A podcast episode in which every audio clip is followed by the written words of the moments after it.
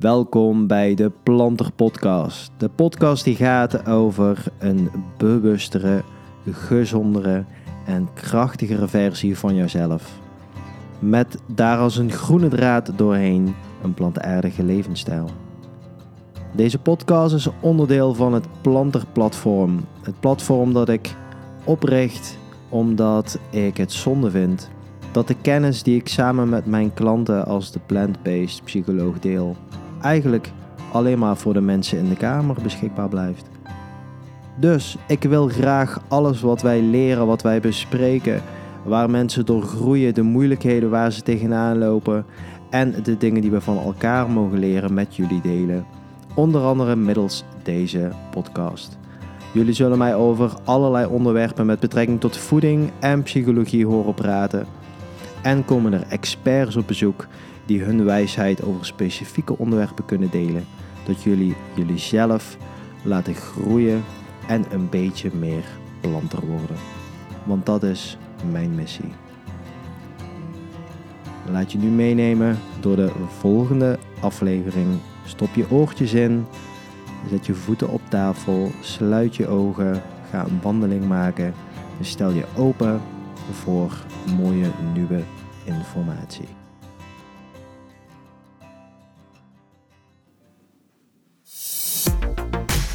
Hey, en tof dat je weer luistert naar deze aflevering. Vandaag heb ik Lopke Vaassen te gast.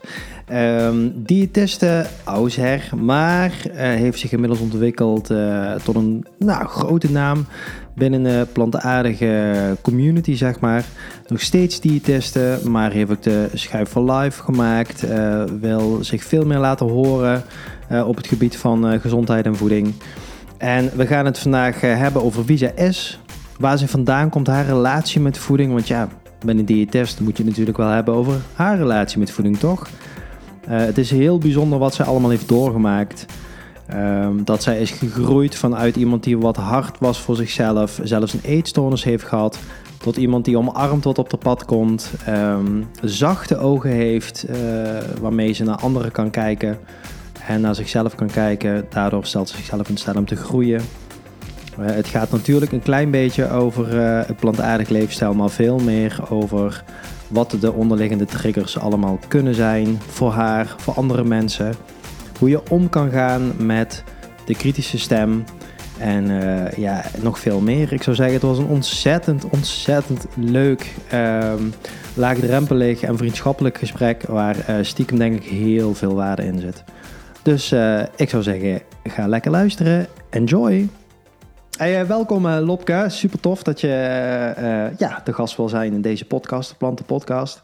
Net eventjes heel kort ehm, kennis gemaakt en ja, we, we, schoten er eigenlijk al gelijk helemaal in. Ehm, het, ja, in, in het veld, in het plantaardig etenveld, kennen denk ik wel heel veel mensen jou wel al. Maar goed, de mensen die, waarmee ik bijvoorbeeld samenwerk, waarbij het nog nieuw is, die, ehm, ja, die kennen je misschien nog niet zo heel erg goed. Uh, dus zou je een klein beetje willen voorstellen waar je, waar je vandaan komt en, en wat je eigenlijk allemaal doet en waar mensen je kunnen vinden?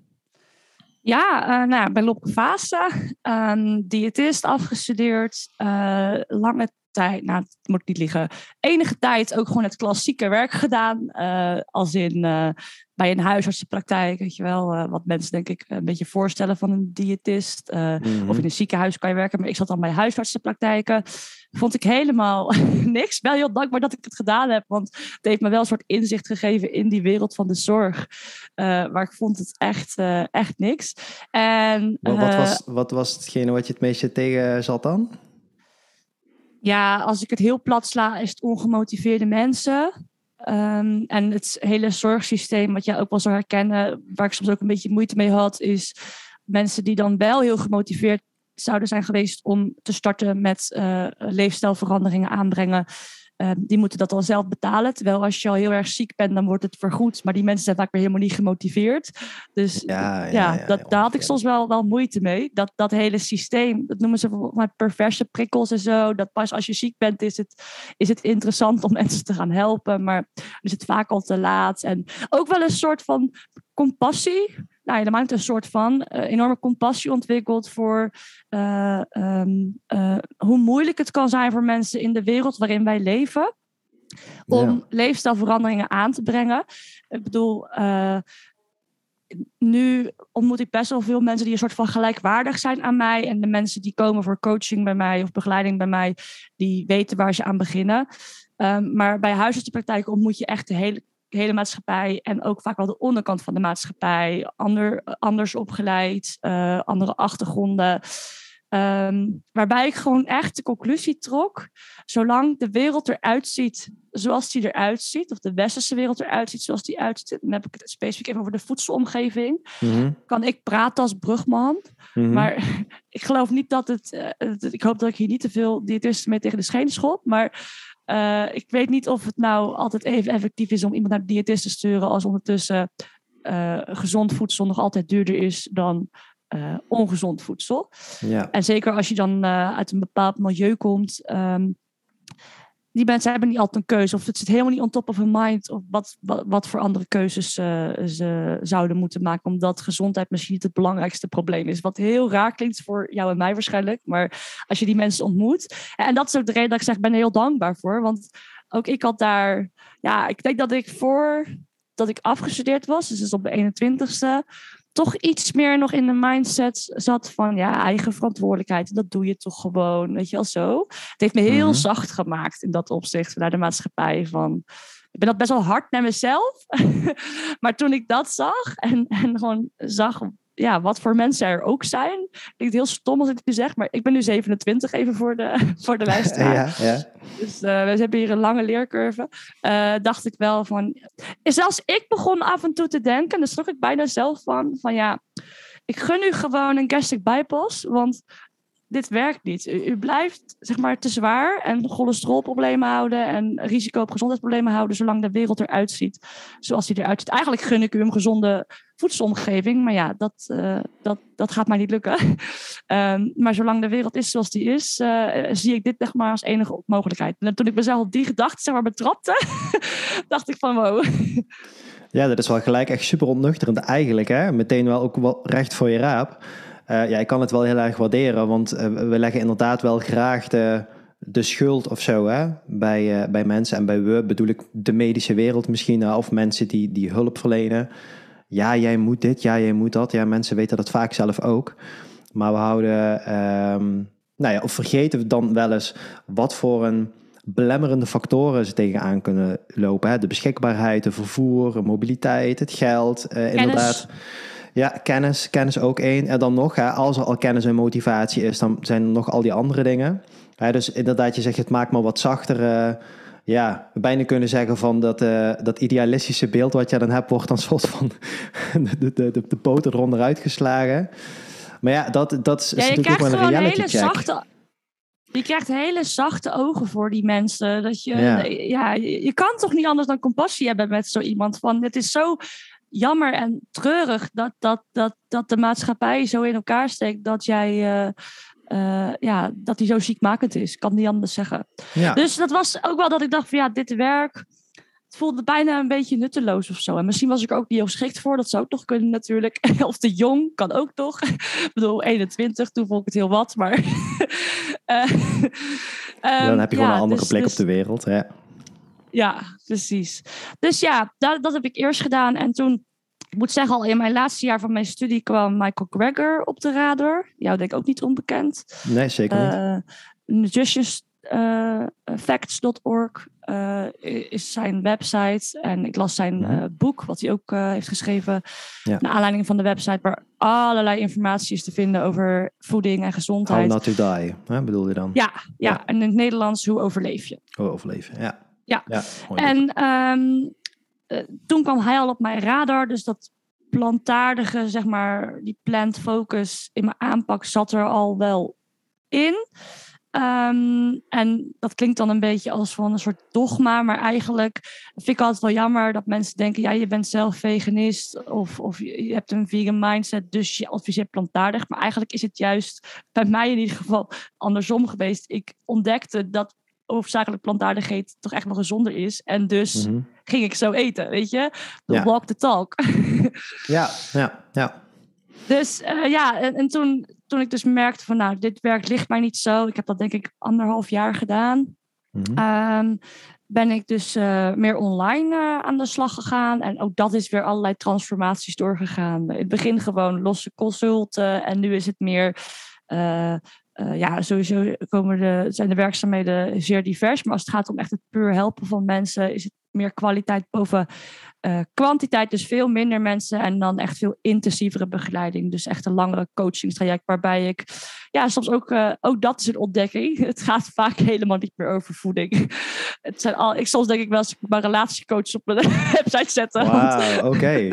Ja, nou dan kom je natuurlijk op een heel mooi vlak. Oké, het gaat eigenlijk... Dus eh, als diëtiste probeer je intensievere trajecten neer te zetten.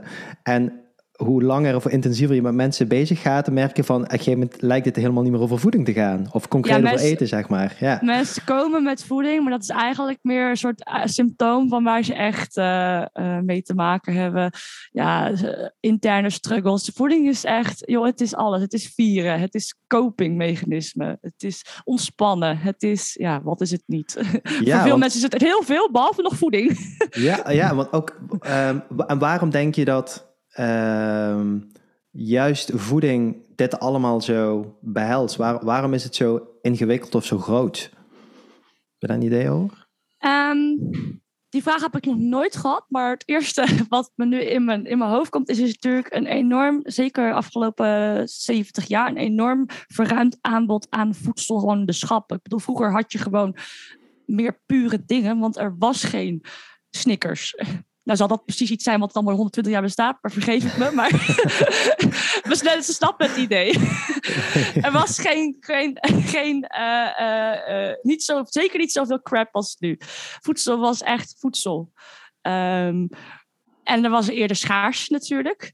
En ik denk Mhm. ook wel door reclamecampagnes en zo. Ik bedoel, als je voedselreclames kijkt, dan gaat het toch ja, altijd over een soort van ontspanningsmomentje of een genietmomentje, weet je wel? Dus het is ook ons een beetje aangepraat dat we onszelf daarmee moeten eh, verwennen en we mogen genieten. En uh, dan Meer zeggen we dat je niet emotioneel eigenlijk dus, hè? De voeding meer eh, Juist. emotionele lading. Ja. En cultureel natuurlijk ook. Hè. Is ook heel veel eh, ja, wat, wat bepaald is wat, wat, wat, eh, wat voeding doet. Wat voor Ja. rol het speelt, verbindend. Ja, Oké, ja, nou, je, raakt al gelijk een paar hele mooie thema's aan. En volgens mij klinkt het ook zo alsof je inderdaad niet de standaard diëtiste bent, hè? Want dat woord ook, hè, diëtiste, hè, je moet op dieet. Het heeft vaak toch heel zo'n restrictief karakter van, oh, ik, moet, ik mag dit niet, ik mag dat niet, ik mag dat niet, ik moet zo niet, ik moet zus niet. en het gaat over afvallen altijd. Het gaat ook helemaal altijd- niet zo te zijn. Ja, ja. Dus ze komen met hele diverse dingen. Ehm, hoe, ehm, ja, klopt dat? Is dat inderdaad wel eens waar je, waar je stereotype een beetje tegenaan loopt? Van, oh, diëtisten, oh, dan ga je zeker, eh, heb je zeker een oordeel over alles wat ik wel of niet eet? Of, eh, Nou, zoiets? ik moet zeggen dat ik inmiddels zo niet meer in het hoekje pas dat ik niet zo tegen stereotypen aanloop. Ik heb zelden dat mensen een soort van. Meestal zijn mensen gewoon heel nieuwsgierig en vragen ze: wat doe je dan? En dan zeg ik vaak: ik ben opgeleid tot diëtist, maar doe inmiddels heel andere dingen. zeg ik dan altijd. Ehm, maar de kern is dat wel hoe ik me altijd zal voorstellen, want dat is wel waar alles uit voortgevloeid is. Maar toen ik bij de huisarts werkte, was dat wel meer een, eh, een, een, een, eh, een vooroordeel van. eh, ja, en misschien ook niet altijd heel onterecht hoor. Ik bedoel, ik, er zijn ook echt wel diëtisten die inderdaad bij blijven hameren over zou je misschien eh, dat koekje niet nemen. Terwijl ja, dat kan je zeggen, maar ik denk niet dat dat heel veel, eh, als er iets anders achter zit, heel veel, eh, heel veel effect heeft. en dan zegt zo iemand, ja, dat zal ik niet meer doen. Nou, dan komt die volgende keer weer en dan beginnen we weer. Ja, ja, ja. En, dan gaat het eigenlijk over die symptomen waar je het net over had. Bij symptoombestrijding doen in plaats van dat je vraagt van, goh, wat voor waarde heeft dat koekje voor jou bijvoorbeeld? Ja, of wanneer neemt u dat? Waarom neemt u dat? Hoe voelt het als u dat neemt? Neemt u het alleen of neemt u het omdat het aangeboden wordt? eh, dan kan u eigenlijk geen nee zeggen. Weet je wel, dat soort dingen. Ja, als iemand maar een kwartiertje de tijd heeft, dan kan je ook niet zo diep gaan. Hè? Daarom is het nu bij mij kwaliteit boven kwantiteit. Ja. Want dan kan ik mensen pas echt helpen. Mooi. Wauw. eh, ja, eerst veel beter begrijpen, want dan weet je wat ook een relatie uh, met voeding eigenlijk is. Als het een pure ja. kopingsmechanisme is en je gaat daar meteen in lopen te hakken, dan raken mensen natuurlijk een beetje uit stabiliteit, denk ik. Hè? Ja, iemand die heel erg aan het emotie eet of het binge eten noemen ze dat ook wel eens doen. Ja, dan, dan kan ik toch wel tegen zo iemand zeggen van ja, dat moeten we eigenlijk niet doen. Maar dat weet die persoon natuurlijk ook wel. Ja. De reden is, de, de, de, interessantere vraag is, waarom doet diegene dat? Zit je met opgekropte emoties? Uh, doe je werk wat je helemaal niet leuk vindt en kom je thuis en denk je van nu mag ik genieten. het kan zoveel zijn, echt zoveel. Dus daarom ben ik er echt achter. Zeker als het echt gaat om dat, dat, dat, ongegeneerd, of niet ongegeneerd, uh, ongeremd snoepen en, en, en snacken en snaaien. De, dat is, heeft zelden nog te maken met een behoefte aan ik wil iets lekkers. Al dat snoepen en snaaien heeft zelden de behoefte. En zelden als oorzaak van ik wil iets lekkers. Ja. ja. ja. ja. Prachtig. Nou, fijn dat we daarin denk ik een beetje gelijk uh, gestemd zijn. Hè? Want eh, volgens mij zit het ook heel vaak met innerlijke spraak. Hè? Zo, je hebt een drukke dag gehad of zo. Of uh, je, zit met zelfbeeld. Maar laten we het over een drukke dag hebben. Dat je dan... Oh, ik heb een drukke dag gehad. Ik, zwaar. Ik mag mezelf belonen. Nou, en, en iets waar dan meteen je, je gedachten naar uitgaan is... Ik heb zin in iets lekkers. Want dat mag dus dat gaat allemaal, het begint al vanaf dat je naar huis rijdt of zo. En uiteindelijk dan, ja, dan staat die koekjestrommel daar en dan kun je je niet meer weerhouden. En dan pak je een koekje en als je dan daar ja, minder bewust van bent of zo, dan denk je nou, shit, heb ik het toch gedaan. Ik wilde eigenlijk afvallen en zo. Maar het hele proces daarvoor. Ja, maar ook die ja. inner criticus. Ik bedoel, eh, je kan inderdaad heel, heel, dan komt vaak de zelfafwijzing en dan vaak ook nog erachteraan van... Uh, Uh, zie je wel, je kan het niet, dus je kan toch niet, dus laat je nu maar gaan, weet je wel. dat komt dan en dan voel je je daarna nog ellendiger en nog rottiger. Uh, terwijl als je nou gewoon even heel erg uh, weer ook zachte ogen naar jezelf. We hadden net over zachte ogen naar de, de mensen die ik bij de huisartsenpraktijk hielp, yeah. die, ik, die ik ontwikkelde. Maar ik heb ook zachtere ogen richting mezelf moeten ontwikkelen. En dat, dat gun ik iedereen. Dat je in plaats van gelijk hup, met de zweep eroverheen, kan je ook gewoon, goh, interessant, wat gebeurt hier nou? Weet je wel zo, heel beschouwend. Uh, looking, not labeling. Dat. Ho, ho. Hier, moet ik, hier moet ik bijna zelf aantekeningen van maken. Looking, not labeling. Want dit, die, je noemt de inner criticus. Ik weet wel waar je het over hebt, maar misschien denken mensen van wat, inner criticus, waar gaat het over? Hoe, zou je, hoe leg je dit uit? Ja, de inner criticus is, is als jij dus een bepaalde nou, misschien is inner criticus zijn die labels, weet je wel. Dus uh, oké, dus ik pak nu een, uh, ik neem nu een wijntje, terwijl ik eigenlijk dat vind dat ik dat niet mag. Of daar begint het eigenlijk ook al. Hè. Je mag het dus kennelijk niet van jezelf. Terwijl ik mag alles van mezelf. Weet je, al, al wil ik nu een vrachtwagen aan chocola, dan komt die. maar wil ik dat ook echt? Uh, nee, dat wil ik helemaal niet echt. Dus dan, uh, dan is die behoefte er ook niet zo. Um, maar de inner criticus is ja, die, die, die inner stem. Die, die, dus die, zelf, die jezelf afwijst, die, die jouw eigen keuzes afwijst. Dat zijn allemaal labels. Het is fout, het is verkeerd, het is slecht. Het is nou, dat soort uh, uh, oordelen. Zo zou je het ook kunnen zien als oordelen. Terwijl de looking is die, die observant in jezelf van, oh wacht. En dat is misschien niet altijd mogelijk in het moment zelf, maar soms kan je wel mm -hmm. achteraf van, mm -hmm. oh wacht, waarom nam ik, nou misschien eens waarom, oké, okay, ik nam dus die wijn en eigenlijk wil ik dat niet zat daar iets achter? Uh, of je ziet jezelf misschien op de bank zitten met die wijn, terwijl je denkt, eigenlijk wil ik dit toch niet. Uh, en dan niet afwijzen, maar gewoon jezelf vragen stellen en echt met zachte ogen bekijken van, wat is waar heb ik nou echt behoefte aan? Dat is misschien de vraag die je op zo'n moment kan stellen. Daar gooi ik mijn mensen die ik coach ook altijd dood mee. Dan komt er weer een, een uh, komen altijd labels. Dit deed ik, was verkeerd, was slecht. Ik weet het, moet ik niet doen. Maar dat mhm. vind ik helemaal niet interessant, want het is toch al gebeurd. dus als je dan inderdaad iets, iets. Waar had je nou echt behoefte aan op dat moment? Was het nachtrust? Was het een knuffel van iemand? Was het. Uh, uh, een, een, een, een, um, een soort uh, ja, iets waar je even van kan genieten. Dat wordt niet altijd voeding of zo. Weet je, als je inderdaad een, een rotbaan hebt, dan snap ik dat je jezelf aan het einde van de dag iets gunt. Maar had je dat ook op een andere manier kunnen doen, met een warm bad of zo. Weet je wel zo. Dus ja, is het zo duidelijk? Ja, ik vind het super mooi. Kijk, okay, heb je, want heb je dan. Um, eh, dit, dit klinkt heel gedegen. Dit gaat echt over iemands binnenwereld. Ja. Ehm, Dus ik kan me voorstellen dat dat wat werk en tijd en inzicht en mogelijk wat frustratie kost van iemand die daar echt mee aan de slag wil gaan. Of ehm, heb jij bijvoorbeeld ook een soort van shortcuts of trucs of, of eh, dingetjes die meteen wat verlichting geven waarvan je merkt van nou dat, dat helpt mensen structureel altijd wel redelijk snel hierin. Eh, bedoel je dan als ze in zo'n moment zitten dat ze denken, waar ben ik nou mee bezig? Of als ze die zelfafwijzing eh, eh, ervaren bij zichzelf? Of, hoe- Ja, nou ja, ik denk dat, dat, de, dat wa- waar mensen behoefte aan zouden kunnen hebben, is dat ze zichzelf ervan kunnen weerhouden om dan dat koekje bijvoorbeeld te pakken of de chocolade te drinken, als dat hun zou dienen, als ze dat zouden willen. Maar waar in de keten van de voorkant zou je dan zeggen van nou, als je dan een beetje zo korte termijn meteen al iets zou willen hebben waar je mee aan de slag kan, dan zou ik hem daar neerleggen. Zou ik dat gaan doen en dan merk je misschien gelijk dat het makkelijker is voor je om eh, niet te vervallen in dat gedrag. Ja, maar dan zitten we toch weer heel erg op het gedrag zelf. En Ja, maar waar, waar- ja, ja, dat klopt. Het gedrag, zo, ja, het- je hebt gelijk, het gedrag veranderen, maar waar in de keten zou jij dan beginnen?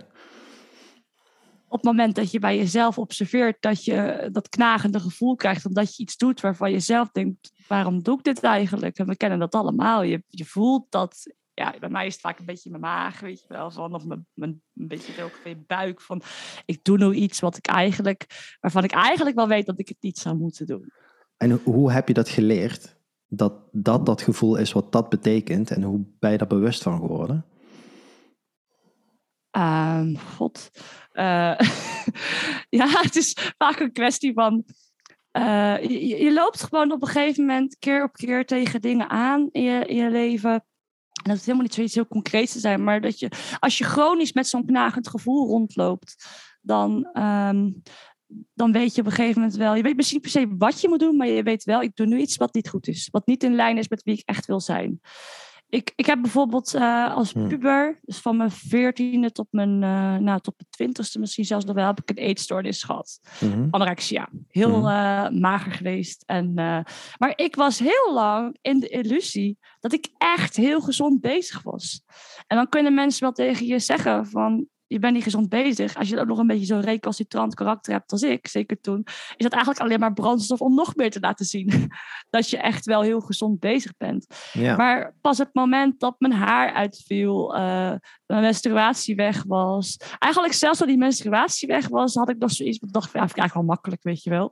Vond het wel prima. Eh, toen had ik het altijd koud. Nou ja, als ik maar slank ben, neem ik dat ook op de koop toe. Maar haar Ja, uitvallen vond ik het ergste. Dat was natuurlijk super zichtbaar. ja. Dat was het moment dat ik dacht, wacht. Dat weet ik echt nog heel goed. Ik, ik, ik wil graag gezond zijn, maar voor mij normale gezonde mensen hebben gewoon haar wat gewoon groeit, weet je wel. Die halen Mhm. niet elke ochtend plukken uit hun haar en iedere keer dat ze even door met een hand door hun haar gaan, dan hoort dat niet uit te vallen. Dat was het moment dat echt bij mij klikte, dat dat knagende gevoel opkwam van nou ben ik iets aan het doen wat volgens mij niet meer klopt. En dit is niet wie ik wil zijn. Nou ja, en, en dan wil je zeggen dat het gelijk goed gaat. Dan ga je oefenen. Maar dat is wel een mooi linkje naar net. Dan heb je dus dat knagende gevoel. Oké, ga je dat verder verdoven? Met in mijn geval, uithang, in mijn geval uithongeren. Zou voor iemand anders misschien eh, een eetbui kunnen zijn of iets dergelijks. Ga je dat verder verdoven? Of ga je er naar luisteren? Oké. Nou, ik, ik vind het sowieso heel bijzonder dat je daar eh, zo over vertelt. Ehm, daar wil ik eigenlijk daar nog wel meer over horen. Maar dat knagende gevoel. Ik denk, ik begrijp wel wat je bedoelt voor mijzelf ook hoor. Ehm, en eigenlijk zeg jij een beetje dat knagende gevoel. Iedereen heeft wel zoiets waarbij je eh, op een gegeven moment ergens voelt, een signaaltje krijgt, dit is niet eigenlijk helemaal in lijn met wat ik eigenlijk wil. En of dat dan een fysieke prikkel is, hè, en een beetje kramp, of, eh, of dat je wat meer gaat wapperen met je handen, of je wordt giebelig, of dat stemmetje in je hoofd. Iets dat je merkt van, oké, dit is een signaal. En eigenlijk als je dan gaat leren, oké, daar komt de looking, hè, in jouw woorden, oké, dit, dit, oh, blijkbaar ben ik dus nu iets aan het doen. En je gaat dan beter voor jezelf zorgen. Dan komt aan het einde van die keten, dat moment met die koekjestrommel bijvoorbeeld, hoeft dan helemaal niet plaats te vinden. Want je hebt al veel eerder iets opgepakt, zeg maar. Juist, ja. Oké. ja, ja. En vooral ook niet jezelf dus afwijzen, dat is labeling, als het wel gebeurt. Maar gewoon erkennen, oh ja, wacht maar, dat is eigenlijk dat knagende gevoel wat ik heb, wat ik graag wil, uh, wat ik eigenlijk probeer te vertoveren. Maar ja, dat komt helemaal niet door het gebrek aan koekjes, dus koekjes gaan het ook niet oplossen. Lief zijn voor jezelf en met zachte ogen kijken, is dan uiteindelijk hetgene wat heel waardevol in dit proces kan zijn, toch? Ja, wat ik zou zeggen hetzelfde is, met zachte ogen is lief zijn. Ja, ja, ja. Want mensen denken bij lief zijn ook snel dat het juist een rolkoek opentrekken is. Dat is een hele goede nuancering. Ja, oh, ik, heb, ja, ik ben zo lief voor mezelf. Ik vreet twintig koekjes op. Ja, ja. dat is een beetje van, van tegenwoordig zo'n adagium. Hè? Het intuïtief eten. Hè? Het, het, het eten mm. van, uh, van uh, nee, dat mag af en toe. En natuurlijk mag het af en toe. Maar de vraag is, wil je het ook echt? Wil, wil je het echt, echt? Ben je nou echt goed voor jezelf aan het zorgen? Ja, ja, ja, ja, als ik dat op mezelf kijk, dan zijn er ook momenten dat ik denk, oh, ik voel me naar, ik ben moe. En dan pak ik iets en denk ik, oh, nou heb ik het gepakt. Omdat ik eigenlijk behoefte had aan rust of iets anders. Nou, dan weet ik dat, moet ik in ieder geval wat eerder naar bed gaan. Hè? Voorheen zou ik daar ook denken, oh shit, heb ik het alweer gedaan, slecht bezig. En dan wordt het natuurlijk alleen maar erger. Terwijl er ook momenten zijn dat ik denk, nou, ik voel me prima, maar ik heb zo'n zin in een stukje chocola gewoon. Ik heb er gewoon echt, oh, ik ga er zo van genieten. Uh, en ik heb dan ook het idee dat je lichaam dan daar iets heel anders mee doet, energetisch of zo. Ik, uh, Zou best uh, kunnen hoor. Ja. ja. Oké. Okay. Hey, ja, dan heb je het over nou ja, hard zijn en zacht zijn. Je noemt net een eetstoornis. Um, nou, ik ben natuurlijk psycholoog van huis uit, hè, dus dat ja, is gelijk mijn, mijn, mijn interesse. Ga je op aan? Dat dan. ja, nou ja, ik denk wat. Um, ik, ja, jij bent daar een ervaringsdeskundige. Ik heb daar een stukje ook van gezien via op de vlogs die je maakt. Uh, ook, ook de oordelen die mensen hebben over dingen, bepaalde termen die je noemt, komt eventjes naar voren. En uh, ik meende daar ook echt een beetje vuur bij te zien. Denk van, die snap je het echt niet waar het om gaat, hè? Verdorie, hè? Hij doet dat heel netjes en heel, maar denk van ja. Uh, ik, ik, kijk, ik denk als je het hebt over eetstoornis, je kan natuurlijk te veel eten, je kan te weinig eten. In jouw geval was het dus te weinig eten. En uh, het lastige is natuurlijk als je kijkt naar alle, noem het maar verslavingen, of het nou voeding zijn, of roken, of drinken, of drugs. Je kunt in principe met alles stoppen. Dat is goed, want het is allemaal, is allemaal slecht voor je. Behalve eten. Dat zul je toch moeten doen. Nou, ik heb het geprobeerd, maar geen aanbeveling.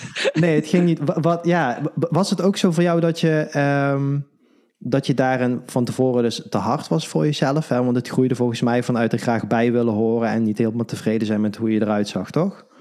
Ja, er zit ook wel, ik kan niet alles over zeggen, omdat er ook mijn, uh, mijn privéomgeving mee te maken heeft. Maar laten we het houden op onrust in huis. Dat heb ik toen nooit zo doorgehad, maar ik zelf wat ouder ben, denk ik wel dat dat ook wel zijn bijdrage heeft gedaan in, uh, in uh, het proces. En misschien een beetje, je hoort ook wel eens een schreeuw om aandacht. Ik weet niet of ik het zo moet noemen, maar ik denk dat ik misschien toen wel een beetje vergeten ben in het gezin. Um, en hm. laten we het erop houden dat het voor mij, als je het net over copingmechanismen, ik ontdekte wel gewoon echt een enorme interesse. En dat was echt oprecht. Hè? Ik bedoel, ik zit niet voor niks hier nu al, uh, wat is het, ben niet voor niks voeding en diëtetiek gaan studeren. Er was echt een oprecht interesse in wat is nou goed voor me. Die was er echt. Ja. En ik zou niet zeggen dat ik daarvoor nou zo gezond was. Want ik had vroeger ook echt wel wat overgewicht als, als kind. Um, en ja, zo zeggen dan dat slaat door.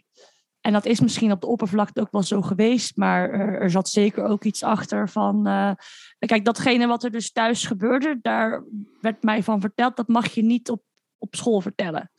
Mm -hmm. En um, werd een geheim. Dat, dat, werd een geheim, ja, ja, ja, ja. Uh, waar ik nu ook weer op terug kan kijken. En dan denk ik van, oh ja, maar dat zegt natuurlijk weer heel veel over mijn ouders, soort van de schone schijn ophouden, weet je wel, naar de buitenwereld. Dus uh, kan ik nu ook weer met zachte ogen naar kijken, naar hun. Toen dacht ik van, ja, waar slaat dit op? Maar nu heb je, kan je daar ook, ook naar hun kan ik weer met zachte ogen kijken. En dan ga ik het ook beter, misschien niet begrip opbrengen, maar het wel begrijpen. Weet je, van, oh ja, daar kwam dat vandaan. En um, zoals je misschien al merkt als je, hoe lang praten wij? 20 minuten of zo. Uh, merkt, ik ben op zich een vrij open persoonlijkheid. dus als je dan wordt verteld van, daar mag je niet over praten. Ja, eigenlijk was dat het enige wat on top of my mind was als ik naar school ging. Dus ik ging me heel erg afsluiten. Heel erg.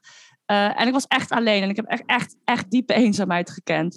Zeker als je 14, 15, 16 bent, dat is toch een periode dat je denkt, soms wel vriendschap voor het leven vast, vastlegt.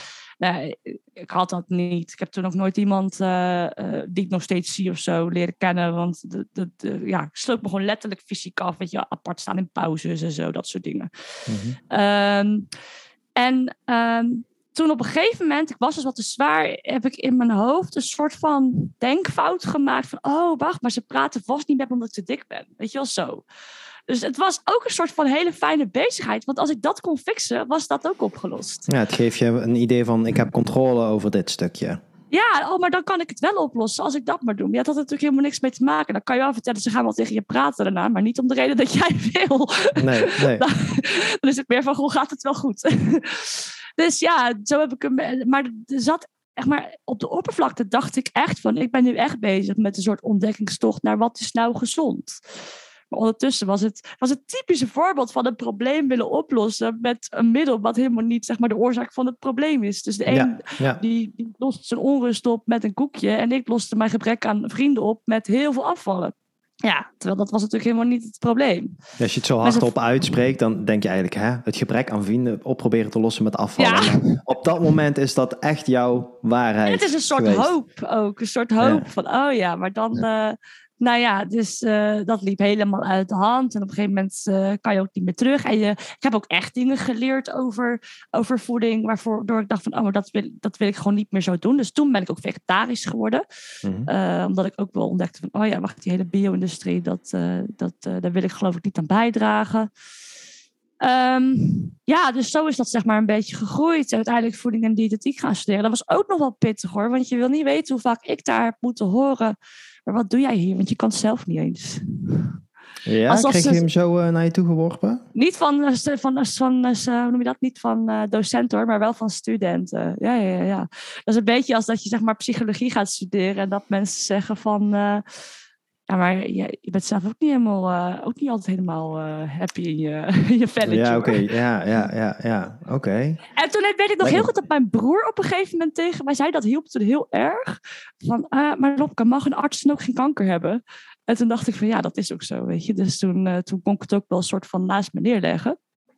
Maar daar ben ik wel aardig in getest af en toe. Uh. Zo, ja, ja, ik ben net aan het denken. Jij hebt echt wat voor je kiezen gekregen, dus. Ja, en ook nog vegetarisch. En vegetarisch is toch ook onderdeel van de, van de eetstoornis, weet je wel. Dus eh, je, moet, je wordt continu wordt je eigenlijk op je inner kompas getoetst van... waarom doe ik dit nou eigenlijk? Waarom wil ik, waarom wil ik dit leren? Oh ja, nee, toch wel echt omdat ik het zelf wil leren. Oké. ja, en misschien dat het in mijn hoofd ook groot, misschien is het een paar keer gebeurd en heb ik het in mijn hoofd, zeg maar, heel, wil ik ook nog wel erkennen dat ik het in mijn hoofd misschien groter heb gemaakt, maar het is wel gezegd, ja. En zeker meer dan eens. Echt wel een aantal keer over de vier jaar. En ja, uh, ja. Dus het, als je. Het is gebeurd. Toch had je dan, denk ik, ergens een soort van een kracht of geloof in jezelf, waardoor je wel dat kompas van je toch bent blijven volgen. Dus je hebt je niet van je pad af laten stoten. Ja, we zitten hier dus. Ja, nee, maar dat vind ik wel. Ja, ik denk dat dat, ja, goed. Um, ik, als je natuurlijk van tevoren een beetje met zelfbeeld zit en vervolgens zeggen mensen dat soort dingen tegen je, dan was de makkelijke keuze geweest om te zeggen: Oh nee, inderdaad, ik kan het niet. Uh, mensen zeggen dat, uh, ik ga wat anders doen. Nou ja, en dat heb ik kennelijk ook wel gedacht, want het is niet voor niks dat mijn broer op een gegeven moment moest zeggen: Mag een arts dan geen kanker hebben? Ja, ja. Maar dat soort dingen hebben dan wel geholpen, dus uh, praat erover, denk ik. verifieer het ook eventueel even bij een ander. Van goh, kan ik inderdaad niet dit vak in omdat ik zelf daarmee te maken heb gehad. En ook dat, hè, dat is ook echt wel een waardevolle les geweest. Er moet ook een moment komen in je leven dat je gaat loslaten. Oh, maar ik ben niet meer die persoon met die eetstoornis. Want dat kan je ook op een gegeven moment als een soort van excuus gaan gebruiken om dingen maar niet te doen. Ik weet dat ik heel lang moeite had met uit eten gaan. Dat is echt nog jaren. En nog steeds durf ik te erkennen. Als ik zeg maar in een stad zou lopen nu en, en uh, en uh, we willen spontaan ergens heen. Als een soort van Pavlov-reactie kan ik dan echt een soort van verkramping, spanning voelen. Oh, maar hoe moet dat dan? Waar ga ik dan heen? Weet je wel? Als we nu spontaan ergens gaan zitten, want het moet wel vegan, bla bla bla. En dan neem ik vervolgens dat gevoel niet, of die stem niet super serieus, maar hij is er nog steeds. Um, okay. Maar op een gegeven moment is er dan ook toch een soort van moment geweest dat ik dacht: ja, ik moet nu gewoon besluiten. Dit, dit, dit, eh, dit, ik denk dat ik toen ik mijn ex-vriend leerde kennen, hij heeft me echt wel door dat laatste stukje heen geholpen. Uh, dus toen was ik een jaar of 21, dus nu zes jaar geleden. En ik denk dat ik zo op mijn 22e echt zo actief die beslissing heb genomen van ja, maar je bent het nou als een soort van excuus aan het gebruiken om dingen waar je eigenlijk ook heel veel joy uit zou kunnen halen, niet te doen. Uh, maar dat ben je al lang niet meer. Ik bedoel, dit is jaren geleden. Ja, dus dat begint dan ook wel bij een soort beslissing. En dat wil niet zeggen dat het altijd goed gaat daarna. Maar dan heb je in ieder geval wel het besluit genomen van ik identificeer mezelf daar niet meer mee. Hmm. Nou, ik ben een beetje wel impressed over. Ja, je hebt echt, wat ik net al zei, veel voor je kiezen gehad. Veel groeimomenten gehad, keuzemomenten in je leven. Je niet van je pad af laten halen. Um, en eh, merk je dat, we, voordat we net de, de, de podcast gingen opnemen, had je het ook over, uh, over angst. Hè? Dat je op een gegeven moment ik heb besloten van, ik ga, ik ga hem gewoon niet meer bang zijn. Ik ga gewoon dingen doen, Nee, dat ging dan specifiek over het uitspreken in het werkveld. Ja, gewoon niet bang zijn om iets te zeggen. Als je dat, uh, het moet wel gefundeerd zijn natuurlijk. Maar als het gefundeerd is, denk, luister je gewoon niet naar die angst. Je bent bang en je doet het toch. dat. ja, nee, nou, ik denk op zich, hè, if your dreams aren't big enough, uh, they, they do, wouldn't scare you. Hè? Dus uh, ik denk, nou, het is helemaal geen probleem om angst te voelen. Hè? Ik ben natuurlijk ook ervoor van dat iedere emotie heeft ook zijn functie. En als we dat mee leren naast te staan en dat te kunnen gebruiken, kunnen we eigenlijk veel meer groeien dan dat we dingen willen wegduwen of negeren of, uh, nou ja, goed, omdenken, et cetera. Maar ehm, ja, en dan ga je ook nog eens um, uiteindelijk weg uit het klassieke diëtistenveld. Uh, het veganistische dieet promoten. Hè, wat natuurlijk eigenlijk, uh, nou goed, nu inmiddels wordt dat steeds meer uh, toch wel gezien van, goh, laat ik het heel politiek correct zeggen, er zitten een aantal hele goede waarheden in. Maar je bent er natuurlijk al veel eerder mee begonnen, in de tijd dat het nog veel minder mainstream was. Dan mhm. krijg je ook af en toe wel eens de wind van voren, kan ik me voorstellen, of niet? Uh, het grappige is, als je daar net mee begint, dan trek je gelijk de mensen aan die dat leuk vinden. Dus dan, dan is er hmm. niks aan de hand. maar dan komt er op een gegeven moment het moment dat je bereik iets gaat groeien. En dan komt de weerstand. En daar heb ik echt wel last van gehad en moeite mee gehad. Want ik dacht van, huh, ik ben toch iets heel leuks en iets, iets heel boeiends aan het vertellen. Ik ben een beetje arrogant als ik dat zo vertel, maar zo bedoel ik het helemaal niet. Um, en wat mij toen heel erg heeft geholpen, is gewoon simpelweg een boek. wat me echt ook, dat is zo'n boek, waar soms lees je een boek en dat is echt zo'n page turner in je leven, weet je wel. Ja. En dat was uh, The Subtle Art of Not Giving a Fuck van Mark Manson. Mm en, en ja, dat, dat boek, dat, ook dat leverde bij mij weer zoveel zachte ogen op richting mensen die, die dus uh, de behoefte voelen überhaupt om, om uh, weet je, ik zie de hele dag dingen waarvan, daar ben ik het niet mee eens, maar ik heb echt niet de behoefte om overal te reageren en te ventileren. En door dat boek dacht ik van, wow, het is echt ook wel een soort van, het is terug en een eer tegelijk dat mensen de moeite nemen om zoveel tijd te steken in ellende naar mij sturen, weet je wel. Uh, dus ja, dan krijg je heel veel compassie en zachte ogen naar die mensen. En dan, dan denk je van, ja, weet je, oké, leuk dat je het zegt, maar nu gaan we weer verder. Oké, dus jij hebt daarin ook dingen leren loslaten, bijvoorbeeld middels dat boek, maar... Ja, of überhaupt niet, eens, niet eens vast te pakken, gewoon uh, langs je heen laten gaan, niet serieus nemen. En soms ook wel, hè. Ik bedoel, er zijn ook mensen die geven hele gefundeerde kritiek. Dat mag je ook gewoon serieus nemen, er is ook niks mis mee. Je mag er ook gewoon een keer naast zitten. En inderdaad denken van, oh ja, ik ben, ik ben inderdaad hier iets te kort door de bocht geweest. Dat is ook prima. Ja, maar dan hangt het natuurlijk ook heel erg af van de, de kritiek of de feedback die je krijgt van iemand. Wat voor persoon is dat? En heeft hij het beste met je voor? En is die, uh, weet hij waar hij het over heeft? Uh, precies, heeft hij de credentials om iets te zeggen inderdaad. Juist, hè? in plaats van dat mensen wel eens zeggen... ja, uh, ik wil eigenlijk dit en dit met mijn leven... maar die en die vriendin die zegt... nee, dat moet je niet doen. Ja. En dan denk je, ja, wat doet die vriendin dan? Ja, die doet, die doet eigenlijk niks. Of, die heeft het maar druk en die zit niet goed in de vel. Nou ja, ja, met alle respect voor haar... maar zou je dan niet iemand advies oppakken... die ook wat breder kan kijken, bijvoorbeeld. Ja. Um, ja. Oké. Okay. Wow, ja, en, en, en al deze ervaringen, want je zegt net, volgens mij zei je dat ik ben pas 27 of zo. Nou ja, op basis van wat je allemaal vertelt, denk ik, nou, dat is helemaal niet zo. Hè? Want je hebt, ja, door, zo, misschien ook door zo open te zijn als persoon, heb je misschien ook wel veel ervaringen naar je toe getrokken en veel mogen leren. Um, ja, denk zo, zo zie ik dat een beetje. Hoe, hoe, vertaalt zich dat bijvoorbeeld naar naar jou, jouw werkveld? Neem je een aantal van die dingetjes mee naar je klanten toe? Of, of, of zitten er juist ook valkuilen voor je in? Mijn eigen uh, ervaringen bedoel je, Ja. de adviezen die ik hun geef. Ja. Ehm, nou, dat is toch wel eens een dilemma waar ik zelf mee zit. Omdat er ooit eens een keer mij, jaren geleden, ook, dan zie je hoe dingen soms kunnen beklijven. Ik ben ook niet zo verlicht als je misschien denkt. Mhm. dat eh, ooit heeft mij, ik weet niet precies wie dat was. En, en, en ik was denk ik stagiair of zo. En dat was misschien een diëtist die mij moest beoordelen. Zoiets was het. Of een docent, ik weet het niet meer precies. Maar toen kreeg ik de feedback dat ik in, in het advies wat ik gaf niet te veel moest vertellen wat ik zelf deed. Hè? Dus waarschijnlijk zei ik van, oh ja, maar ik zou dan zo en zo doen. Zo, zei, zo vertelde ik het misschien ook, ik weet niet meer. Maar dit advies heb ik misschien gehad toen ik 16 was. Hè? Dus, of nee, sorry, dat kan niet. 18 of 19 was, ja, zoiets. ja, ja. En nog elke keer als ik nu, want nu vragen mensen, want je wordt ja, op Instagram ben je, heb je inmiddels een aardige following opgebouwd. Dus welke vraag krijg je heel vaak? Wat doe jij dan? ja En juist. ja. Dan wordt weer die knop ingedrukt. Ja, maar ik mag niet vertellen wat ik doe. dus dat is ook voor mij soms een worsteling. En tegenwoordig los ik het vaak op door als ik dan met een klant vraag, dat ik dan vraag: Wil je horen wat ik doe? Ja, oké, maar ja, mooi. Ja, En ja. als mensen dan toestemming geven van ja, ik ben wel benieuwd hoe jij dat zou doen. Dan zeg ik van nou, ik praat eigenlijk niet liever, over, liever niet over mezelf, maar zo gaat dat dan meestal.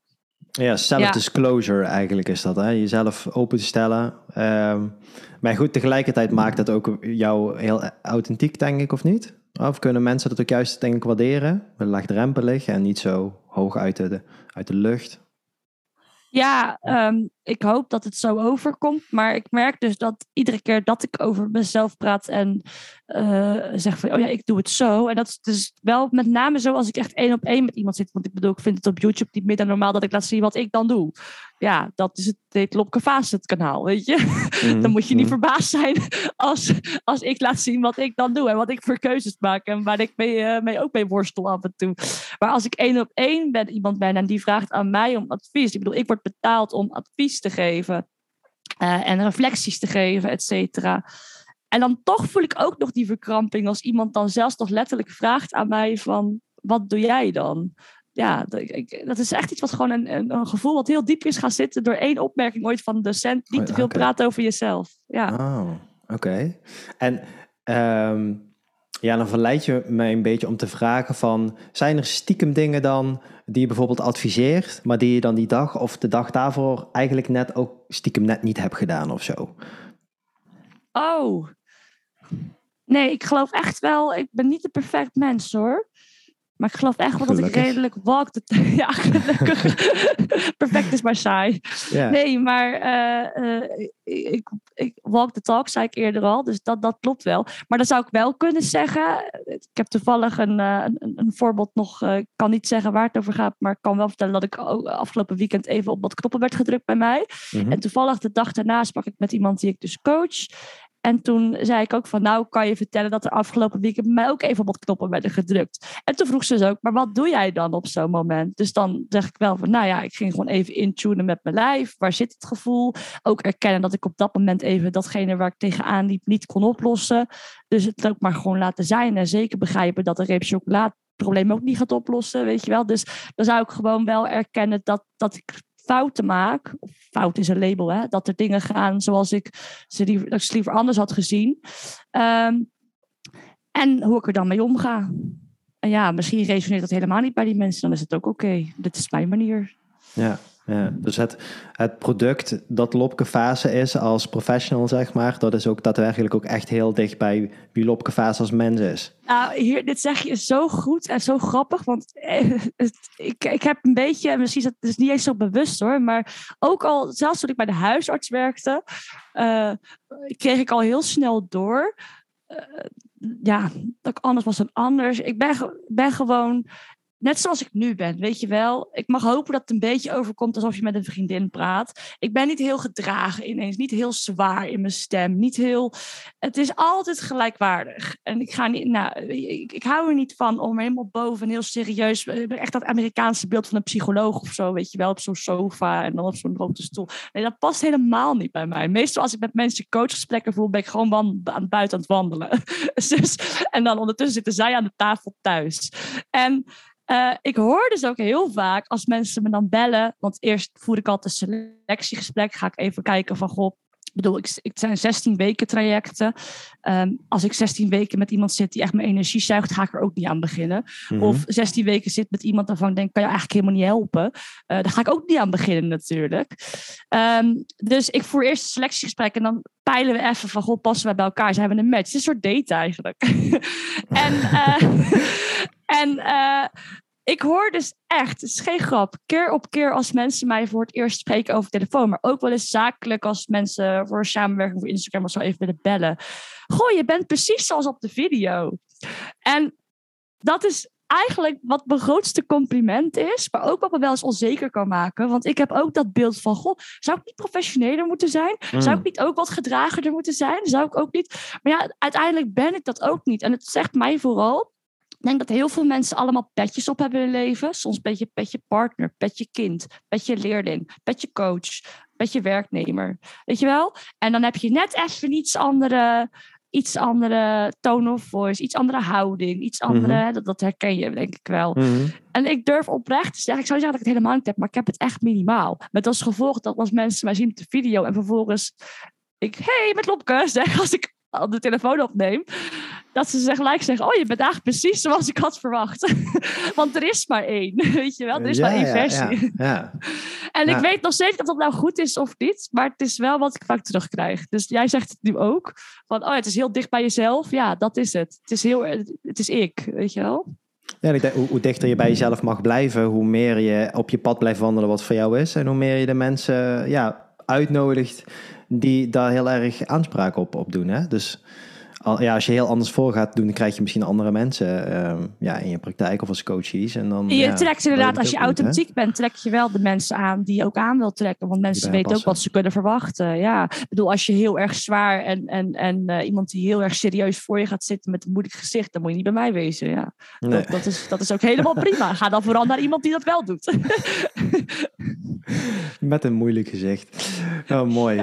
Ja, ja dus... ehm, eh, ja, wat, wat ik leuk vind is dat je zegt dat je, dat je daarmee dus echt juist heel erg de diepte individueel ingaat. Terwijl je aan de andere kant op social media juist heel veel mensen ehm, bereikt. ehm, en dus natuurlijk niet diep kan gaan, want je kan niet en eh, voor eh, zoveel tienduizenden mensen natuurlijk zo diep gaan. Dat is meer Ehm. informeren, inspireren, informeren, inspireren. En anders wordt het echt helpen.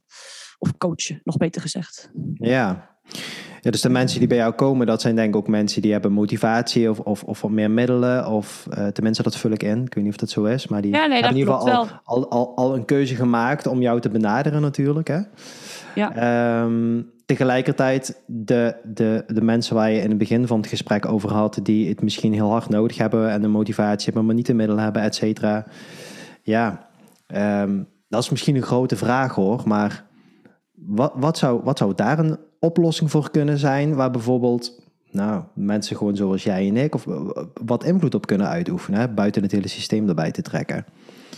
Heb je daar een idee Uit het hele systeem erbij te betrekken. Dus echt Ja. dat, je als, als, dat je ze individueel wel weer gaat helpen. Want Nou, de eerste reactie is inderdaad, ja, dan, eh, dat probeer ik ook. En we hebben in eh, september de Schijf voor Lijf gelanceerd. Eh waar we het ook in het voorgesprek wel eventjes over. Wat ook wel, eh, sorry dat ik het zeg, maar een klein trapje tegen het voedingscentrum was. Eh, en, en proberen we daar ook wel... eh, Nou, dat een is in the voorbeeld face. van... Jij zegt het. We hoeven niet zo subtiel om te doen, denk ik hoor. nou, Heerlijk. Ik, za- ik zat, ja, ik, ja, ik, ik deed wel even een vreugdedansje in huis. Hé, wat is er aan de hand? Ik zeg, moet je dit zien? dus dat was wel vet. Ja. Ja, leuk. Ja, maar ehm, ik, ik denk dat die mensen pas echt. Kijk, tuurlijk kan je wel een soort van. eh, Er zullen vast ook individuele succesverhalen zijn. En eh, eh, ik, zal de laatste zijn die zegt dat je, dat je ook maar helemaal niet meer die help, mensen moet helpen. Zolang de maatschappij eruit ziet zoals die eruit ziet. Tuurlijk niet. Maar het is wel dweilen met de kraan open, wat je natuurlijk vaak hoort. En wij Mhm. proberen nu. En dan moet ik met name even mijn compagnon Armanda Govers een shout-out geven. Mhm. Eh, eh, eh, zij hebben zeg maar samen de schijflijf bedacht. En ik heb het vervolgens geschreven met feedback van heel veel andere diëtisten. En heel veel diëtistenpraktijken en volgens mij ook andere soort praktijken hebben het ook onderschreven. Dus artsen en dergelijke. Weet ik even niet zeker. Maar in ieder geval heel veel diëtistenpraktijken.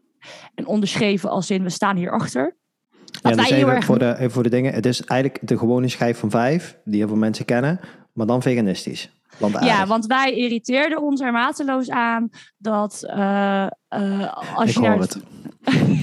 ja, laat ik voor mezelf spreken. Ik irriteer me er aan dat uh, als je naar de website van het voedingsbedrijf gaat, wat voor veel mensen nog altijd een gedegen bron is van hun informatie over voeding, betrouwbaar, hè, een overheidsinstantie of semi-overheidsinstantie. Ze, ze, noemen zichzelf volgens mij onafhankelijk. Boeit ook allemaal niet zo. Um, maar uh, uh, daar halen mensen hun informatie vandaan over voeding. Nou, we weten allemaal als het gaat om duurzaamheid, dat is ook wel de inslag daar met name en gezondheid trouwens ook. Hoe plantaardiger, hoe beter. Hè? Haal de richtlijnen goede voeding van de Gezondheidsraad er maar bij. En daar uh, staat gewoon als eerste zin, die zijn wel van 2015 de laatste, dus ik verwacht dat ze eerder zal weer eens worden geüpdate. Ge mhm. Maar eerste zin, we moeten met z'n allen meer plantaardig, minder dierlijk eten. Dat is zin 1. En als je dan vervolgens als, als bewuste consument denkt van nou, ik zie dat wel zitten. Ik wil wel plantaardig gaan eten. Dan ga je naar het voedingscentrum. En wat lees je daarvan? Nou, vegetarisch, dat kan inmiddels dan wel. Maar echt, eh, als je dan veganistisch wil eten, moeilijk. Uh, begin er niet, eigenlijk liever niet aan. Want ja, waar ga je toch vandaan? En als je het dan wil, ga naar een diëtist. Ik kan je vertellen, Heel veel diëtisten snappen het ook niet. dus dan kom je daar en dat hoor ik ook echt terug. Ja, ik ben al eens bij een diëtist geweest in het verleden, maar die zei dat ik het echt niet moest doen. Ja, dus wij hadden zoiets van ja, zet dan op je site hoe je het moet doen. Ja. Ik vind nog niet eens zo erg dat je dan doet alsof het zo moeilijk is. Maar zet dan op zijn minst op je site hoe je het moet doen. En dan hebben we probeert contact over te zoeken met ze. Uh, ja, dat uh, uh, ging erg stroef. En vervolgens zeiden Armanda en ik, dan zullen we het dan maar zelf gaan doen. Daar had ik ook geen zin in, hè? Ik bedoel, voor mij, ik had liever dat zij het deden. Maar ja, toen hebben we er maar een soort van een protestschijf van gemaakt. nou ja, als u dan wil weten hoe het moet, doe het dan zo. Wat ook heel moeilijk is, want het is echt heel moeilijk om een, een dank dat was ook wel zo'n voorbeeld van de eerste twee dagen kreeg ik heel veel lof. Ook prachtig model. En daarna kwam de scheid over je heen, weet je wel. Van mensen die denken, hoe kan je zoiets verzinnen? Mhm. ja, dat was dus de subtle art not giving a fuck in de praktijk. Mm en, um, maar ja, bijvoorbeeld het voedingscentrum heeft een soort sheet op hun website staan over uh, gezond plantaardig. En dat is dan vegetarisch en veganistisch eten, speciaal voor zorgverleners. Um, en in die sheet staat uh, geloof uit mijn hoofd, 17 keer het woord tekorten en één keer het woord gezondheidsvoordelen. Nou ja, dat zegt iets over hoe zij daarnaar kijken. Dus zo is de schijf zeg maar, in het leven uh, geroepen als echt een model wat we hebben willen laten zien. En dat kan je of als consument gebruiken of als uh, praktijkhouder, op wat voor manier dan ook. Van, oh, u wilt plantaardiger eten?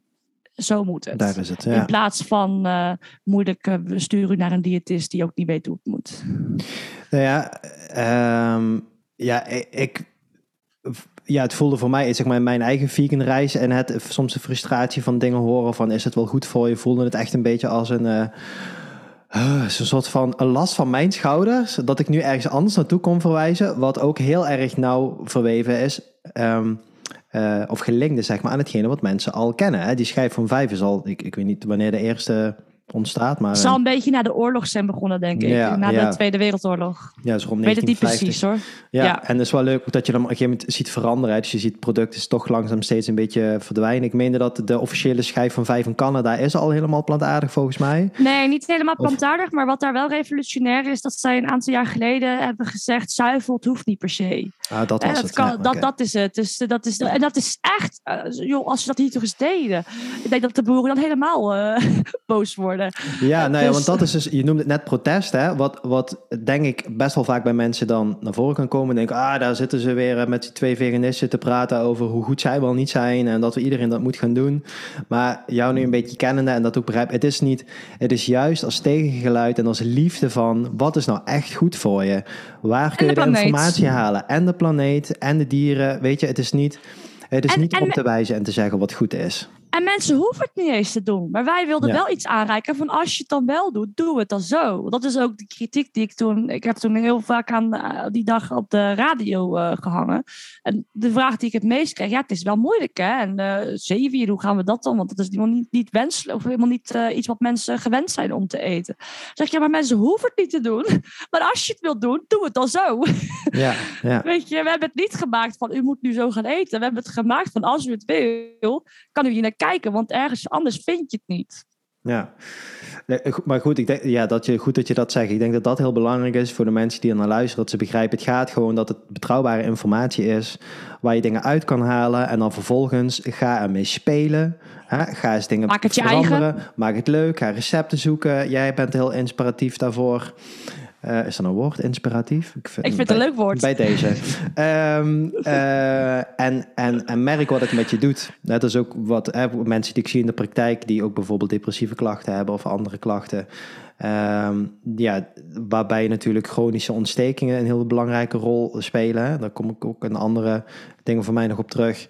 Als ik zie dat er een aantal producten toe worden gevoegd en een aantal dingen weg worden gehaald, dat je toch echt mensen echt gewoon wat sterker en wat weerbaarder ziet worden. Dat je ziet dat het lijf en dat brein wat meer veerkracht heeft. En dan samen met wat andere interventies zie je mensen dan echt sneller opknappen dan mensen die, uh, ja, die dit alleen maar uh, doen met gewone psychologie en gewone psychotherapie. En ik denk dat ook de verandering dan ook duurzamer kan zijn. En dit is echt super fijn uh, ja, voor mensen zoals, zoals ik, om dan te kunnen zeggen: Nou ja, goed, wil je echt goede informatie? kan het je allemaal vertellen. Maar ja, uh, zij heeft dat al gemaakt. Dus ja, ik ga niet opnieuw het wiel uitvinden, want dat wiel is, dat is al een rond ding. Ja, ja oké. Okay. Ja, dus, dus nog zoiets waar je ook in gemoeid bent of wat je hebt gedaan.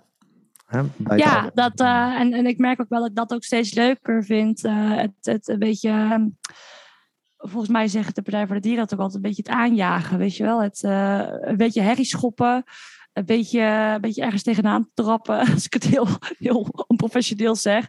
Ehm, maar wel gewoon gefundeerd. Het is niet herrie schoppen om het herrie schoppen. Het is herrie schoppen omdat er gewoon echt iets... Ja, ik vind het echt heel raar dat dat ten eerste in, in, in een ziekenhuis mensen dingen mm -hmm. geadviseerd worden die ze vaak ziek hebben gemaakt in de eerste mm -hmm. plaats. En ik vind het nog raarder als je bedenkt dat we in zo'n klimaatcrisis zitten. Dat we dan actief zeggen tegen mensen dat ze heel veel vlees en zuivel en eieren moeten. Vind ik echt.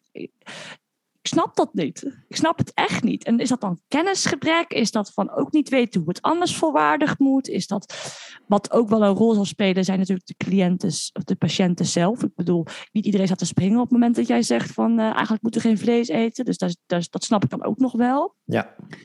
Maar ja, gewoon ook echt verhalen, die zal jij vast ook wel eens hebben gehoord, uh, denk ik, van mensen die dan bij een arts zijn geweest en dan zeg ik hey, plantaardig en dan het actief ontmoedigen. U doet uw lijf echt tekort.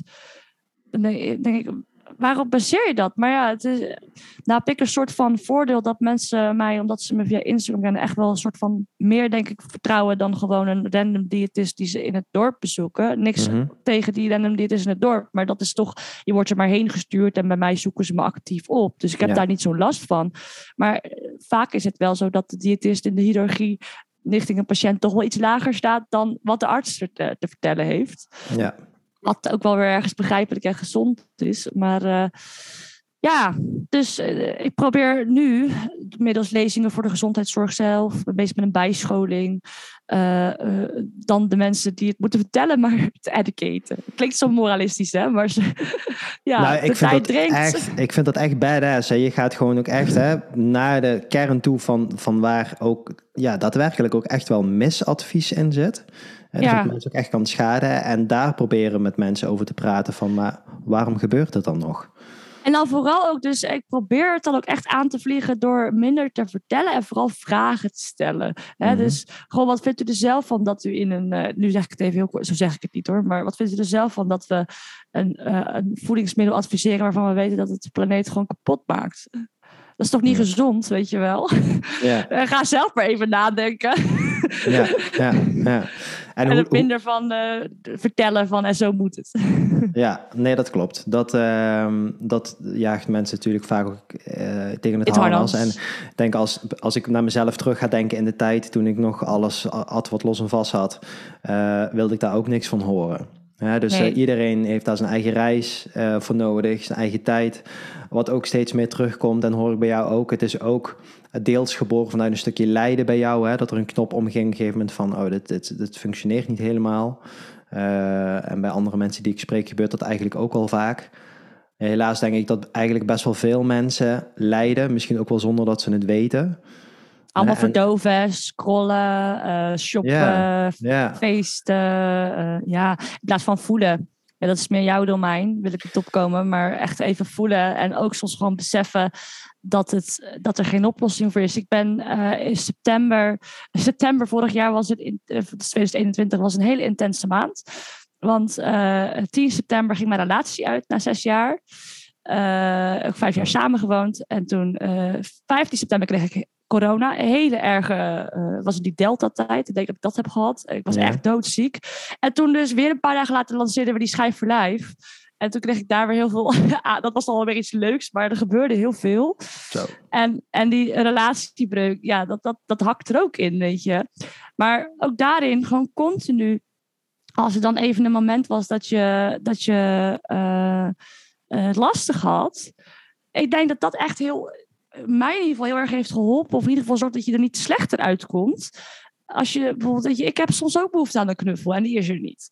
Maar dan ook gewoon even het eh, goed voelen van, oh ja, dat is waar ik nu behoefte aan heb. En die, die kan ik nu niet krijgen, want er is niemand om hem te geven. Maar ik weet in ieder geval zeker dat de reep chocola hem ook niet op gaat lossen. Ja. Dus ja, dan maar gewoon even met het vervelende gevoel zitten. En dat gaat ook gewoon weer weg.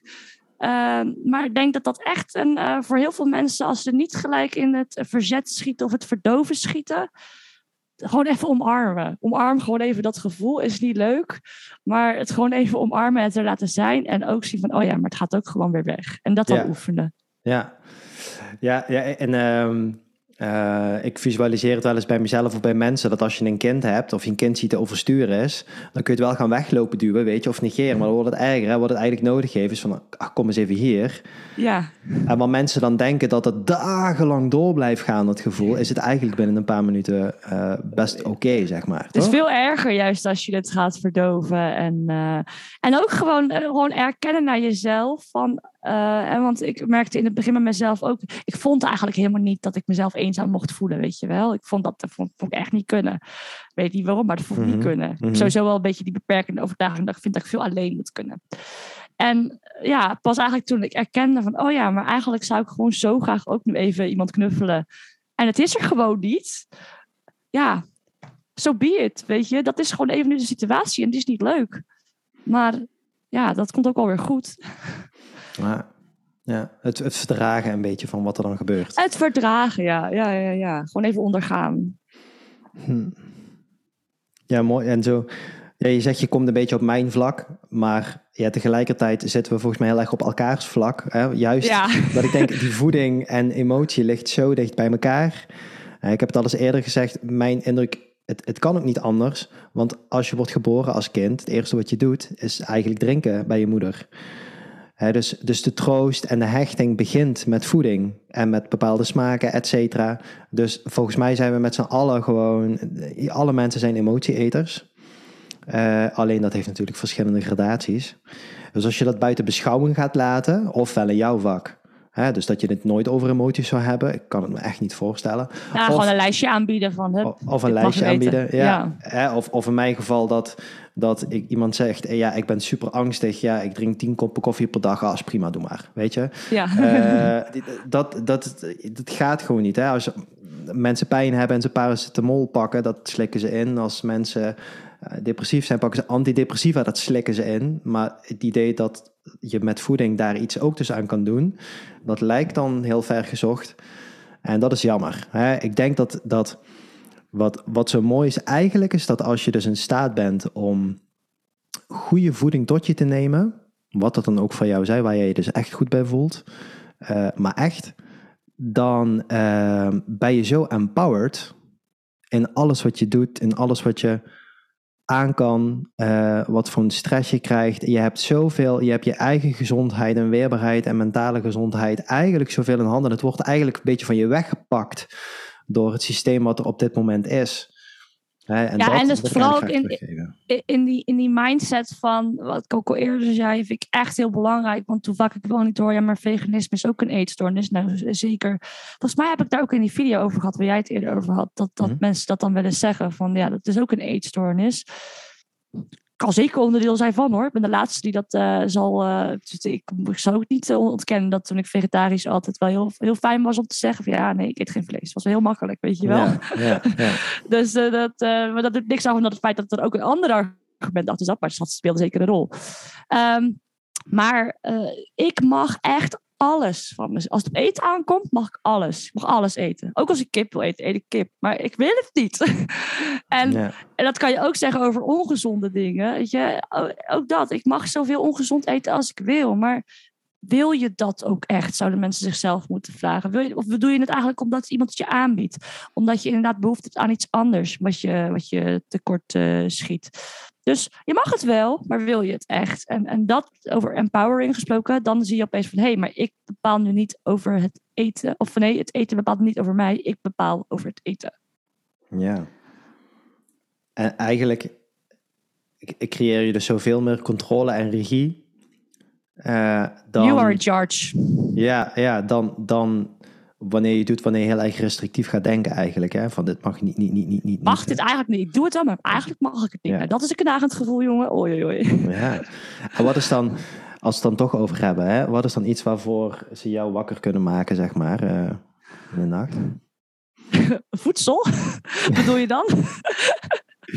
Ik bedoel voedsel. Dat je denkt, ja, nou, laat mij lekker slapen.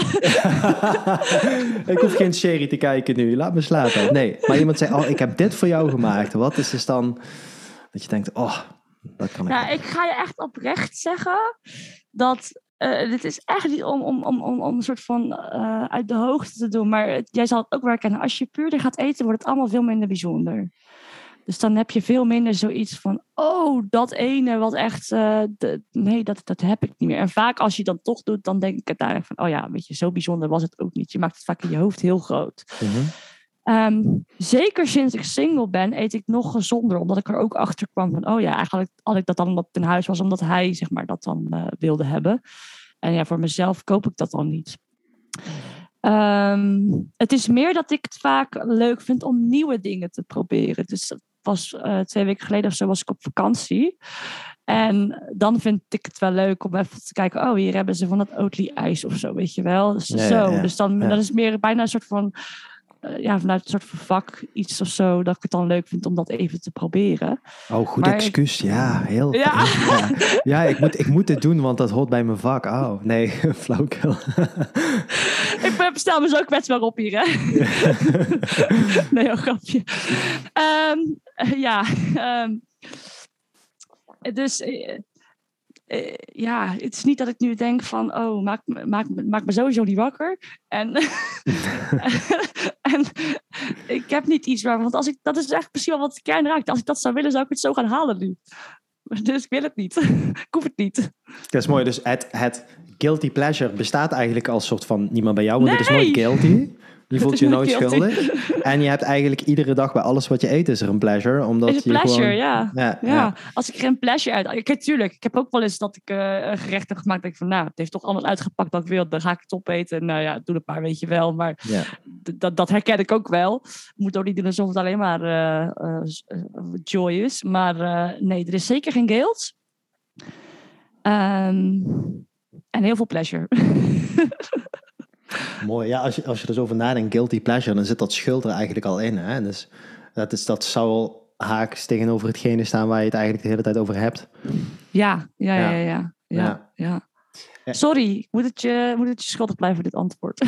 ja, precies. Oké. En, en je hebt net al wat gedeeld dat je, dat je veel meer uh, je stem wil gaan laten horen uh, binnen de medische wereld. Hè? Wat ik echt allemaal top vind. Zijn er nog andere dingen op de planning voor je? Of de, alsof dat niet al genoeg is, maar... Uh... Ja, nou, ik zou het heel tof vinden als YouTube wat meer groeit. Dus daar probeer ik wel echt, uh, dat ik toch merk, hè, dat is dus ook echt wel een stuk van mijn leerproces. Ik heb dus heel lang in, in het idee met het idee rondgelopen van, ik mag vooral niet zeggen wat ik eigenlijk doe. Want dat is echt heel diep, die overtuiging is ingeplant. Ik weet niet eens meer wie hem erin heeft geplant, maar ik weet dat hij erin geplant is. En maar ik kom erachter dat mensen het juist heel leuk vinden om te horen wat ik dan doe. En dan gaan ze het ook niet gelijk allemaal direct kopiëren. Dus daar hoef ik ook niet bang voor te zijn. Weet je? Ze blijven gewoon een authentieke zelf, maar je kan ze echt wel inspireren. En dat, dat is ook wel iets wat ik mee zou willen geven hoor. Uh, zie ook mensen die schamen zich nog een beetje dat ze plantaardig eten. Weet je wel, heel uh, in het hoekje zitten bij de barbecue of zo. Own dat nou gewoon. Own dat gewoon. En dan zal je zien dat als jij iets uitstraalt van kijk hoe blij en gelukkig ik hiervan word, dat dat ook weer uitstraalt. Niet op iedereen. Er zijn mensen die vinden dat helemaal niks. Nou ja, prima. Hè? Dat, is ook wel, wat ik nog zeggen net, want ik ben heel hoop dat ik een beetje authentiek overkom en als mezelf. Ja, dan zijn er ook mensen die vinden dat echt verschrikkelijk. Die vinden je helemaal niks. Maar dan ben ik er ook wel achter of ik nou zeg dat ze vlees moeten eten of plantaardig. Dat maakt helemaal niet meer uit. Nee, nee. ze vinden gewoon per definitie, wat mij vinden ze al niks. En dat is helemaal oké. Ja, die hebben ja, weer iemand ja. anders die ze heel leuk vinden om te, om te laten kijken. Nou, dan moeten ze dat vooral doen. Eh, Ik snap, het wordt zeg maar anders op het moment dat ze ook heel erg de behoefte voelen om mij te laten weten dat ze mij echt verschrikkelijk vinden. Haak dan gewoon fucking af en kijk niet, weet je wel. je hoeft niet te laten weten dat je niet kijkt of dat je dit irritant vindt. Haak af en ik mis je niet. Je mist mij ook niet, dus prima. Ja, ja, heel dubbelijk als je erover nadenkt om te laten weten dat je het niks vindt of dat je niet Ja. kijkt. Dan, ja, ja, ja oké. Het is zoiets raars. Dat is ook wel iets van de online wereld. Want in het echte leven zou je dat niet doen. Als je op een beurs loopt, een gezond mens schreeuwt dan niet van wat jij loopt te vertellen vind ik echt verschrikkelijk en je rent hard weg. Dat doe je niet. Je je denkt, oh, dit is niks voor mij, ik loop door. En dan ga je weg. Ja, Ja, dus het is echt iets heel raars. En het zegt heel veel over die mensen. oké. Maar own dat gewoon, dat je, dat je, dat je daar blij en gelukkig van wordt. Niet zo onzeker over zijn. Hmm, hmm, mooi. Mooi. Ja, dus professioneel, eh, zowel professioneel als persoonlijk heb je dus dingen in het verschiet waar je Ja. in gaan groeien. Ja. YouTube zou ik heel leuk vinden. En eh, ja, voor de rest ga ik... Ik ben wel altijd heel intuïtief. Dus als ik op een gegeven moment denk van... Nou, dat coachen is niks meer. Ik heb het ook wel eens een tijdje gestopt hoor. Toen was ik zoveel hetzelfde verhaal te vertellen... Dat, ik- dat ik het ook even zat was. Gewoon geen nieuwe mensen meer aangenomen. Maar toen kwam dus het idee van... Wacht, maar nu doe ik allemaal losse sessies. Ik kan ook gewoon een soort intensieve trajecten van maken. Nou, en toen werd het weer heel leuk en dynamisch voor mij. Dus eh, Mhm. ja, dus nu is dat weer even wat waar ik mee bezig ben. Coaching, eh, vooral lezingen geven, bijscholingen geven voor eh, met name diëtisten, artsen. En eh, ja, dat. Dus eh, ja, daar, daar hou ik me voorlopig even mee bezig. Wauw. Nou, dan ben je wel een paar dagen bij je zoet, hè? zullen we maar zeggen. Ja, ik, ik verveel me niet. Wees niet bang. En eh, ja, mensen kunnen natuurlijk al werk van jou vinden in de Schijf voor Life. Hè? Ze Ja. kunnen je vinden op je website, Website, ook de podcast natuurlijk. Ik heb ook een podcast. de podcast. Ja, heel, Ook ja. al heel veel plantaardige inspiratie. Wel echt, eh, dit ging over, voor, voor mijn gevoel heel erg over mij, maar dat gaat heel erg over voeding en gezondheid. Dus, eh, Ja, ja. Nou ja, ik denk dat de combinatie denk ik heel mooi is. Want vaak Ja. zien mensen toch alleen van, ah, het is wel makkelijk, eh, makkelijk praten, zeg maar, van de andere kant. Maar het verhaal wat er dan achter zit, waarom mensen doen waarom ze doen. eh, ja, iedereen heeft zijn verhaal. Iedereen bre- breng- brengt bij mij ook verhalen de kamer in. En als je, wat jij ook met je coaches hebt, als je het beter begrijpt, kun je veel beter aansturen. Kun je naast iemand gaan staan en dan gaat iemand gewoon groeien. ja. Dus eh, dat is Ik vond het een heel leuk, eh, echt heel leuk gesprek. Ben ik serieus. Echt een van de leukere. Want het is inderdaad dus niet, eh, hoe kom je naar je eiwitten? Nee, nee. Oh, dan heb je hem toch gesteld. Oh, Sorry. Sorry. Nee, nou ja, dankjewel. Ik vond het ook. Ja, als het gaat over authentiek. Ja, ik vond het in ieder geval heel tof dat je gewoon lekker open was. Ik denk dat het heel ontwapenend kan werken. Ook voor mensen die, eh, die nog heel nieuw zijn in dit veld. En die geen idee hebben waar ze moeten gaan zoeken. Hè? En dat er gewoon iemand is in die, noem het maar, medische wereld. In die diëtiekwereld. Die ook gewoon op jouw manier, hoe jij bent, ehm, zo'n eh, liefdevol tegengeluid laat horen. Dus ik denk dat dat super waardevol is voor, eh, voor heel veel mensen. En, eh, Een liefdevol tegengeluid, die ga ik kopiëren van je. Dat vind ik heel mooi. Ja. Ja, ja, alles wat je doet, want je bent lekker fel, je bent recht voor zijn raap, maar het voelt, het komt echt vanuit goede intentie, het komt echt vanuit liefde. Ik hoop dat mensen die vibe ook echt heel erg voelen, dat ze dus hebben van, oké, ja, het begint te kriebelen. Hè? Ik, hè, lief zijn voor jezelf is gewoon goed voor jezelf zorgen. Ik ga hier eens mee aan de slag. Dus ehm, ik vond het helemaal tof dat je al deze dingen wilde delen. Uh, ja, we hebben het over zoveel mooie dingen gehad. Ik, ik ga het niet eens allemaal opnoemen. Dan moeten mensen het maar nog een keertje luisteren. Vind ik. Want er zat heel veel mooie dingen in. Ik ga er nog lekker van nagenieten. Dankjewel. Ja, thanks. En uh, ik ben ervan overtuigd dat we elkaar uh, wel weer gaan tegenkomen ergens binnenkort. Wow, dat was echt weer een leuke aflevering om te maken. Ik hoop dat je er net zo van hebt genoten bij het luisteren als ik van het maken. Ik hoop dat je lekker nieuwsgierig bent geworden. Dat je nieuwe energie hebt om te spelen met de informatie die we hebben gedeeld. Met voeding, met sport, met het thema waar we het over hebben gehad. En mocht je nou meer vragen hebben, meer willen opzoeken of contact willen leggen, ga dan naar www.planter.nl. Dat is plntr.nl. En verder, groei bewuster, krachtiger, gezonder. Planter. Doei!